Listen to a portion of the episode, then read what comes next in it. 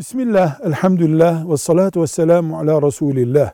Zarar veren hayvan öldürülürse günah olur mu? Sorumuz bu. Zarar kelimesi mesela biz geçerken köpek havladı. Bu bir zarar değil. Ama köpek kudurdu, ısırıyor. Isırdığı hastalanıyor. Bu bir zarar. Yani keyfi kulak rahatsızlığımıza zarar demiyoruz. Sivrisineğin zararı büyük bir köpeğin zararından daha büyük olabilir. Hastalık taşıyor, mikrop taşıyor, kan bulaştırıyor.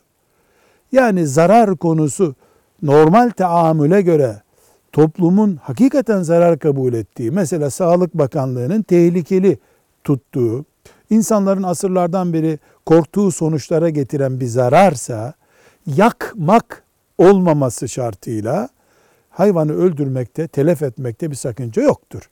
Ama yakmak haram. Velhamdülillahi Rabbil Alemin.